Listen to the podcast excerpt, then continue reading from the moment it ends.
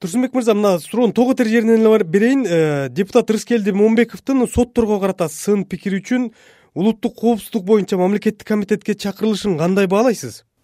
Эми мен ойлойм э, атайын мыйзамдарда жазылган да депутат айткан сөзү үчүн э, бир мыйзам алдында же башка жерде конституционалдо мындайча айтканда жооп берүүгө болбойт тиешелүү жаза алганга болбойт деп жазылып турат да.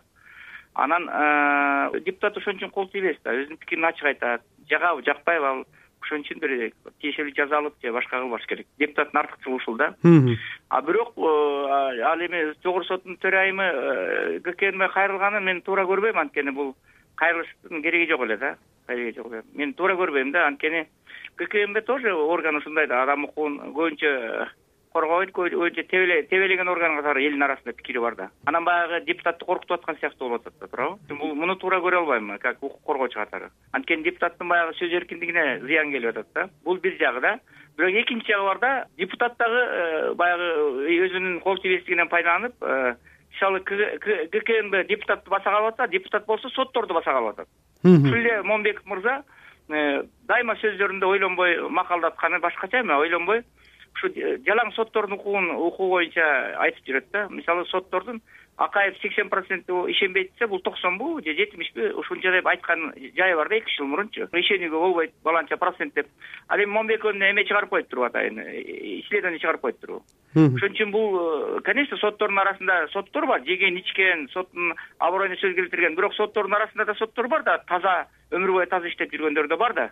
Анан баардыгын эле оптом эле жаман деген өзү депутаттыгына пайдаланып сотторду баса калып атат баягы мындайча айтканда. Бул да күчкө салып атат тигилер да күчкө салып атат эки жагы тең туура эмес деп эсептейм ошол соттор да көп жылдан бери билим алып ушундай деңгээлде алардын да адамдык укугу бар аброю ошон үчүн мен ойлойм мен ойлойм гкнб кайрылыштын кереги жок соттор момунбековду сотко берсе болмок да. Ошондо туура а момунбековдун укмкга чакырылышы башында сурак катары айтылганы менен атайын кызмат муну жөн эле мындай кызматтык баарлашуу деп койду да. Ошондой да болобу. Эмнеге муну сурак деп атабай жатышат? Баарлашуу баарлашуу эмеспи чакырылып атат да туурабы. Бул жерде гкнб э, баягы өзү адис эместигин көргөзүп атат да.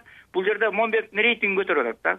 Момунбеков деле рейтинги чоң депутаттардын катарында эмес билимдүү депутаттын катарында эмес. Алчы бапылдаган депутат бирок анын рейтингин көтөрүп атат да бир патриот кылып атат. Э, бул эл үчүн күйүп атат деп ошо ошого алып барбайбы бул гкнбга чакырыштын эч кандай зарылчылыгы жок. Эгер анан бирок сотторда кызык да мына сексен процент токсон процент соттордун баары коррупционер деп айтып жүргөн депутатты бир сот сотко берген жок. Ушул убакка чейинчи эмне үчүн сотко бербейт? Сотко берип койсо болот эле. Болбосо мисалы мен сотко берсем депутат сот болсо мен момунбековду сотко бермекмин мисалы. Сөзүңүзгө аралуу ошо сотко карата сын пикирлер коомчулукта ансыз деле көп эмеспи сиз айткандай? Мисалы катардагы жарандар тарабынан социалдык тармактарда көп айтылат.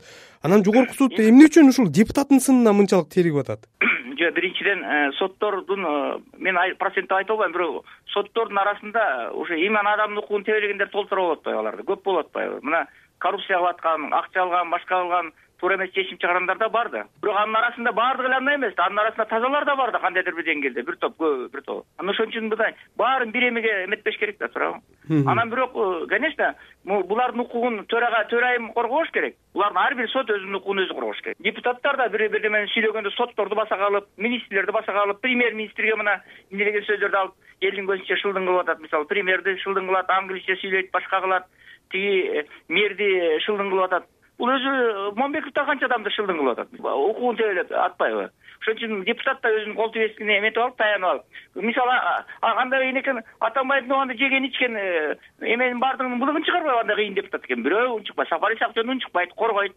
Башка жөнүндө унчукпайт атамбаев жөнүндө унчукпайт анткени убагында там алган э, кредит алган машина алган атамбаев мына ушул аркылуу депутат болду депутат кылды. Никогда одномандатныйдан сол момунбеков өтпөйт болчу. Ошо атамбаевдин аркасында депутат болуп азыр ошого кызмат кылып атат көргөн укугун тебелеп өзүңүз белгилегендей ушул рыскелди момунбеков көбүнчө мындай куйкум сөздөр менен бийликке көп э, мезгилде сын айтканы менен белгилүү эмеспи? Анан өзү болсо азыр ушул соңку ушул мындай э, укмкга чакырылганын бийлик тарабынан коркутуу кысым деп баалап жатат да. Аны ким коркутуп жатышы мүмкүн эми кысым эмес да. Эч кандай кысым кысым депутатка кысым биринчиден кылган жок. Э, ал ошо гкнбга чакыртылышын өзү мен туура эмес деп эсептейм гкнб чакырбаш керек эле депутаттычы момунбеков болобу жакшы көрөбүз жакшы көрбөйбүз ал депутат деген аты бар да туурабы. Депутат деген атты сыйлап коюшубуз керек. Куугунтуктап айтканга болбойт момунбековду эч ким куугунтуктаган жок. Эч кандай президент же өкмөтчү момунбековду чакырып алып.